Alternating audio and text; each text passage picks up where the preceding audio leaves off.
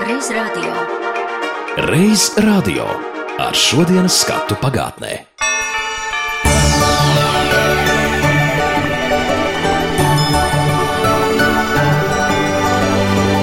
Домская площадь. С добрым утром! Pirms 25 gadiem, 1. oktobrī, sāka raidīt Latvijas Rādio 4 Doma laukums, Krievu valodā skanošais kanāls. 1989. gadā sākās sagatavošanās darbi, un pirmais eksperimentālais raidījums izskanēja nākamā gada 20. septembrī. Bet kopš 1990. gada 1. oktobra šis kanāls sāka raidīt regulāri. Kāds bija pats sākums, to radio 4 ceturdaļu gadsimta jubilejas dienā ēterā stāst mēdīja eksperts Rīgas Stradiņu universitātes profesors Sergejs Kruks, kurš tolaik bija viens no šī kanāla rīta programmas vadītājiem. Перемены произошли вот как раз с внедрением в эфир Домской площади. Отошли от такого медленного, размеренного советского стиля вещания на более быстрый такой музыкально-информационный формат э, с прямым эфиром. Mēs no tāda lēna, vienmērīga padomju laiku mediju pasniegšanas stila pārgājām uz ātrāku, dinamiskāku, tādu muzikāli informatīvu formātu tiešajā ēterā darbdienu rītos. Mēs, žurnālisti, gribējām iziet no ierastajiem rāmjiem.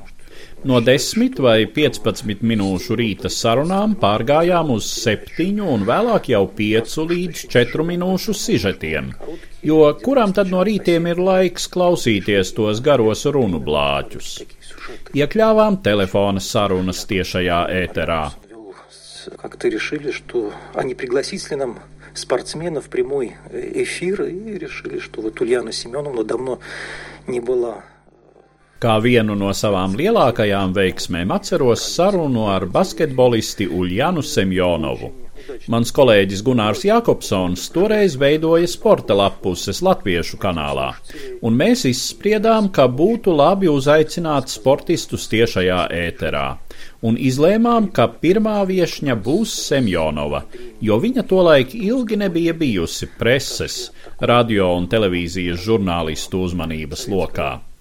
Tā bija ļoti veiksmīga pārraide. Viņa daudz ko interesantu pastāstīja gan par sportu, gan par savu dzīvi. Mēs pēc tam saņēmām daudz telefona zvanu no saviem klausītājiem ar laba vēlējumiem. Удачная эта передача была, очень много было доброжелательных, хороших звонков э, радиослушателей. И Ульяна Семенова очень много интересного рассказала и о спорте, и о своей жизни. Radio elektromagnētisko viļņu raidīšana un uztveršana. Toreiz viens no Doma laukuma žurnālistiem arī bija Andrejs Hutorovs, kurš veidoja ziņu sižetus, bet rīta programmā Doma laukums viņš strādā kopš 1994. gada. Taču radio ienāca kā pusaudzis pirms aptuveni 35 gadiem, kad uzrakstīja kritisku vēstuli toreizējam skolēnu raidījumam Soļi. Tā bija vai no 7. vai no 8. klase. Šim stāstam bijis nu, jauks sākums, jo tas bija tiešām ļoti sen. Bijis šis joprojām vecais, labais Latvijas rādio, bet toreiz, tur, kur tagad skan Latvijas Rādio 4, skanēja вторая программа Всесоюзного радио. Visavienības radio otrā programmā. Bet tad jāpaskaidro, ka tā Всесоюзная вторая programma viss nāca no Maskavas toreiz, ja raidīja tas bija. Pamatā, jā. Un ik pa brīdim no rīta, dienas laika un vakarā bija daži sīki mazie raidījumi Krievijas valodā no Rīgas. Viens no šādiem raidījumiem ir bijis soļi, jeb šagi, kas bijis domāts jauniešiem. Nu, es kā jaunais cilvēks kaut kā ieslēdzu, un uh, ko es dzirdu, kad uh, savā starpā sarunājās divas diezgan pieredzējušas dāmas, kas uh, apspriež skolu programmu. Un tas bija nu, tik neinteresanti, ka es uzrakstīju vēstuli. Pēc divām dienām pie manām durvīm zvana Stāv šī raidījuma redaktore kopā ar Arštāta autoru. Tu rakstīji, oi, kā es nobijos! Oi! Aha, mhm, jā, jā, jā, jā, jā, jā. Nu, jāraksta, jāpiesāla. nu, umņik, ejam, taisam programmu. Es saku, bet kritizēt proti, protu. Nu, tad parādi. Nu, tā es no tā laika šeit arī esmu. Kas toreiz bija tā raidījuma redaktore? Jana Rubinčika. Tagad viņa vada LTV Krievu ziņas. Un viņa bija tā soļu raidījuma redaktore. Nē, viņa bija vai nu kuratore, vai nu tas, kas organizēja. Un tev atved uz radio? Iedeva man uh, tādu lielu kasti, 8 kg. Tagad tev ir jauks diktafons, cik viņš tur sver. Nu, nu, kaut kāds 100 gramu, 200 gramu. Jā, bet būt. toreiz tā bija nu, iespaidīga tehnika. Es to ieraudzīju. Oh! Lentes, kaut kas nu, sagribējis.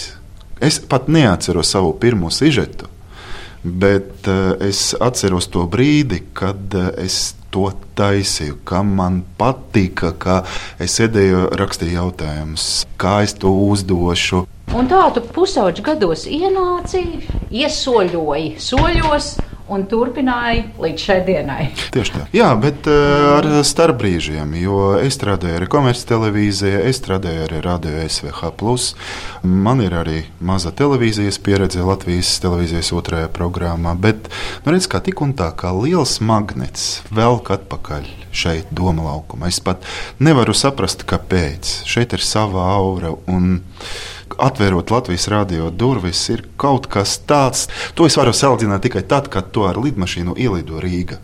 Mākoņi, tu vēl neredzi, kas ir. Tad lidmašīna lēnām nosēžas, un tu redzi televīzijas tornis, Daugava, Vecrīga. Un, ai, cik labi paliek! Nu, tas pats man arī ir ar Latvijas radio, kad es pieskaros ieejas durvīm.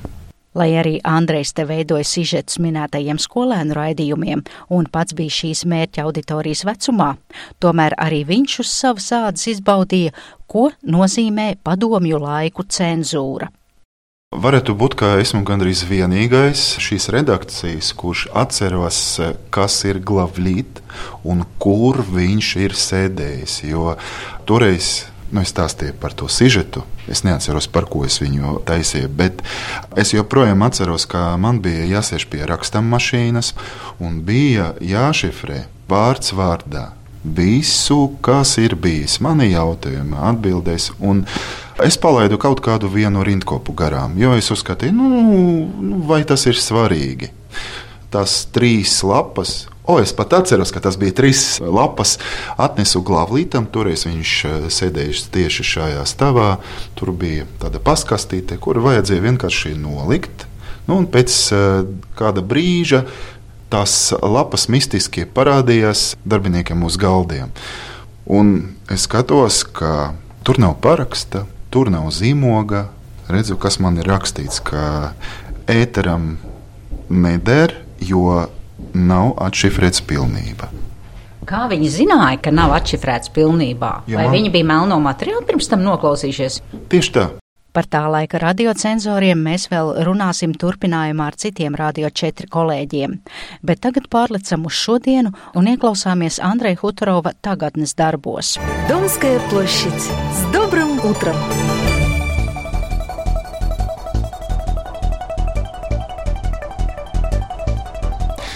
Обозначу главная тема нашей сегодняшней программы – будущее Латвии – здоровое общество. Такова цель государственной программы нашего оздоровления на ближайшие пять лет, которую сегодня должно рассмотреть правительство. Документ объемный, целых 167 страниц и в то же самое время достаточно конкретный. Спешите обладать. С сегодняшнего дня в обращении появляются новые банкноты номиналом 10 евро. Нынешние уже старые купюры. Tagad es veidoju doma laukumu, Tas pats, kas labrīts, tikai krievu valodā. Un man tiešām ir jāstāsta un jāinformē par visu, ko sakot ar valdības pieņemto budžetu, skaidrot, kas un kā mainīsies mūsu dzīvē. Un beidzot, atbildot uz klausītāju jautājumu nu, teiksim, par to, vai ir bīstami pirkt olas, kur dzeltenumā ir asinis. Skaistu un pareizu runu mūsu kolēģiem māca Mihaila Čehova Rīgas Krievu teātra aktieri, bet katram no mums ir savs iecienīts runas vingrinājums, lai ielocītu mēli pie mikrofona. Un te Andrejs kopā ar šī raidījuma autori demonstrē katrs savu mēles mežģi. latviešu valodā mums tur ir šaursliežu dzelzceļš vai pakš pie pakša pārsprāga, pēkšņi piepūties pūpēdz. Kādi ir krievu valodā tie runas vingrinājumi jums? 666. Man, man tas ir vispopulārākais. Redz, kā tev arī, man arī reizēm no rītiem, jo es vācu rīta programmu, reizēm arī nesanāk izrunāt ar izteiksmi, ar mikropauzītēm 666. Tagad mēs eh, gandrīz vakar pusē rakstām, viss ir mm. ok, bet no rīta tas ir cits stāsts. Šlā saša paša seisa salasūšku. Paragarš. nu, es, es, es vienkārši gribēju palielīties. Radio, elektromagnētisko viļņu raidīšana un uztveršana. Mūsu radio interneta mājaslapā par Radio 4 Doma laukumu varam lasīt šādas rindas. Integrācijas programma Krievu un citās Latvijā dzīvojošo tautu mazākumtautību valodās, informācija un analīze par Latvijas politisko, sociālo, tautsaimniecības un kultūras dzīvi, mūziku un jaunatnes lietām. Taču pašai kanāla direktorei Ilonai Madesovai termins integrācija nešķiet pievilcīgs.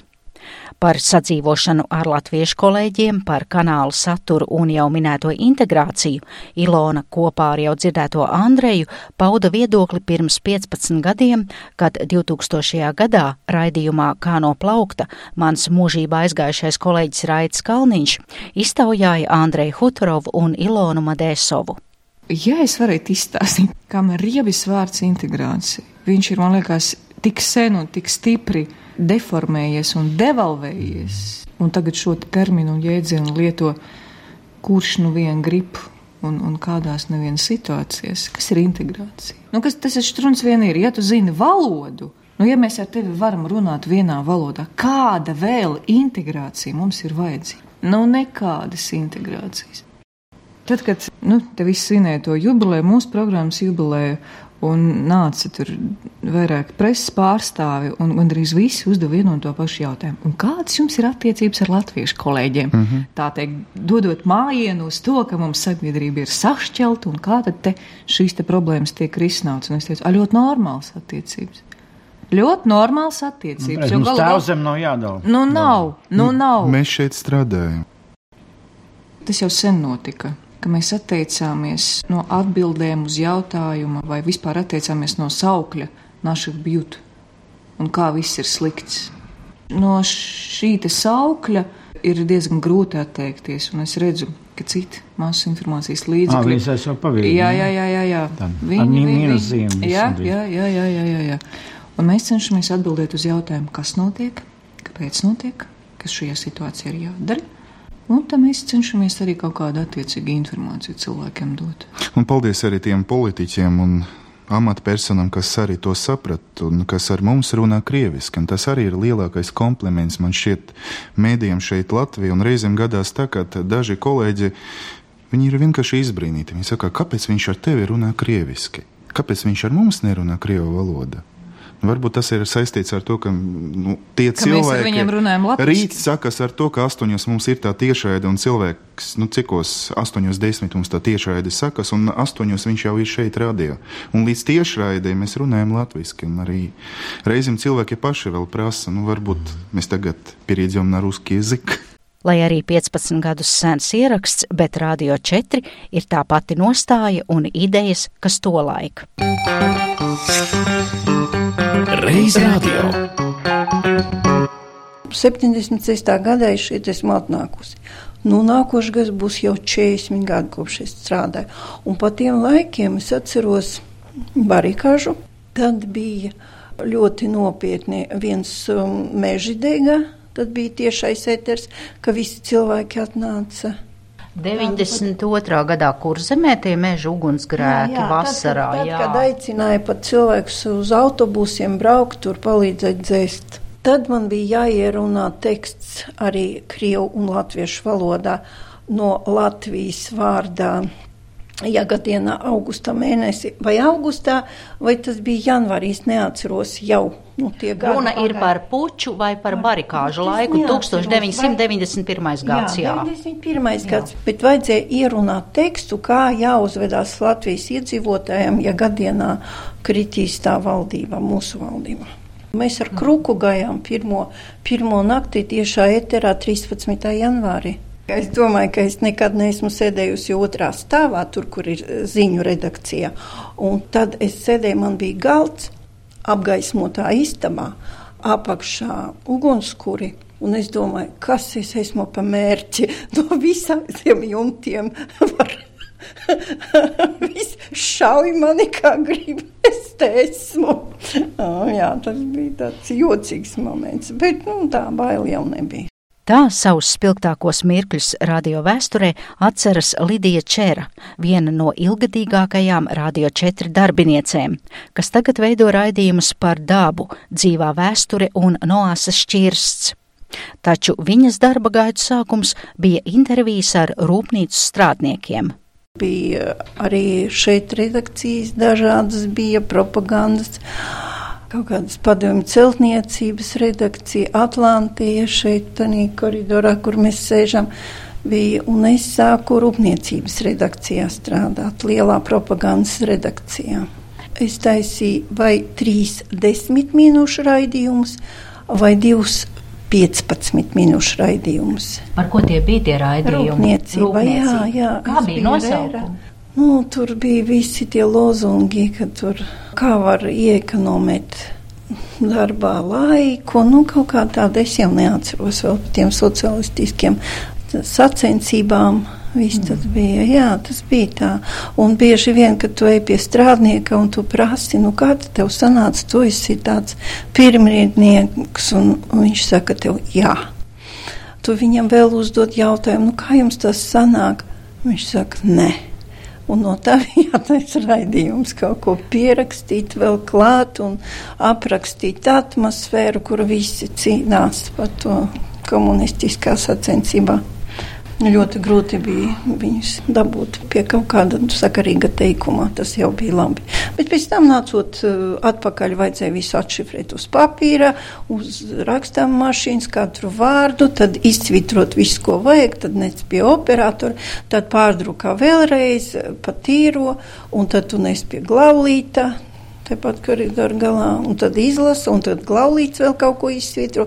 Tad tu ej pie galvenā redaktora, kurš sēž un klausās ar tevīm kopā raidījumu. Un, ja viņam ir slikts garstāvoklis, viņš var tavu raidījumu tā arī pagraizīt. Un pēc tam man bija uzticēts tāds gods, ka izveidot redakciju, kura varētu no rīta Krievu valodā tiešā ēterā un raidīt ziņas. Jā, es izvēlējos cilvēkus, un mēs pirmie sākam runāt tiešā eterā, Krievu valodā.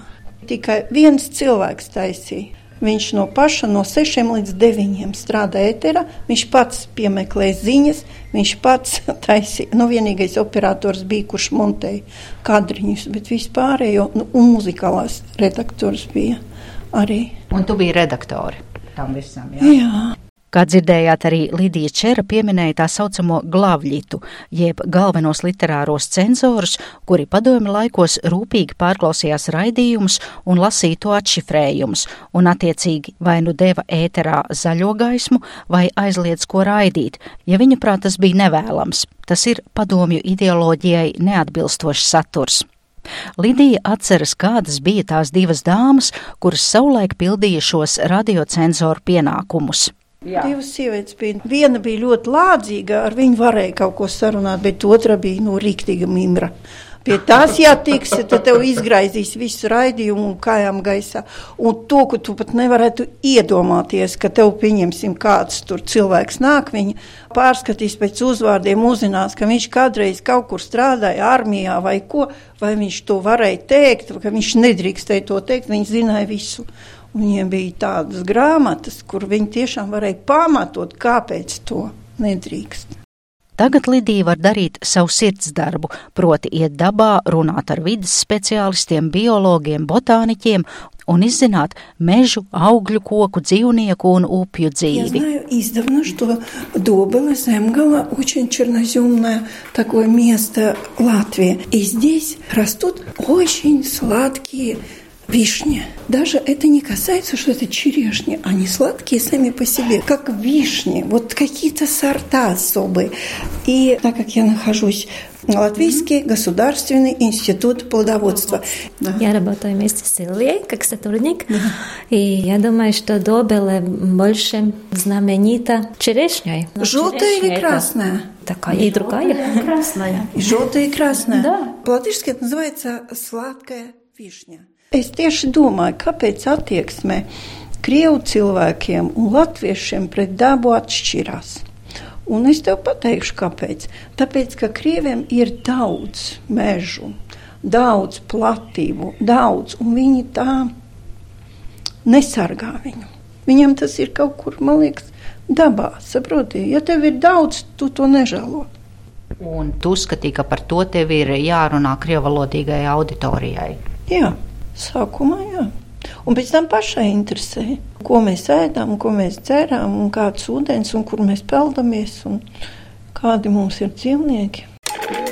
Radio, elektromagnētisko viļņu raidīšana un uztveršana. Tas bija ieskats mūsu kolēģu Radio 4 Doma laukums darbos. Un par to stāstīja Andrejs Hutorovs un Lidija Čēra, kā arī no agrākiem ierakstiem dzirdējāt kanāla direktori Ilonu Madesovu un vienu no pirmajiem Doma laukuma vadītājiem Sergeju Kruku. Tulkojumu ierunāja Eduards Liniņš, bet raidījumu veidoja Zane Lāce.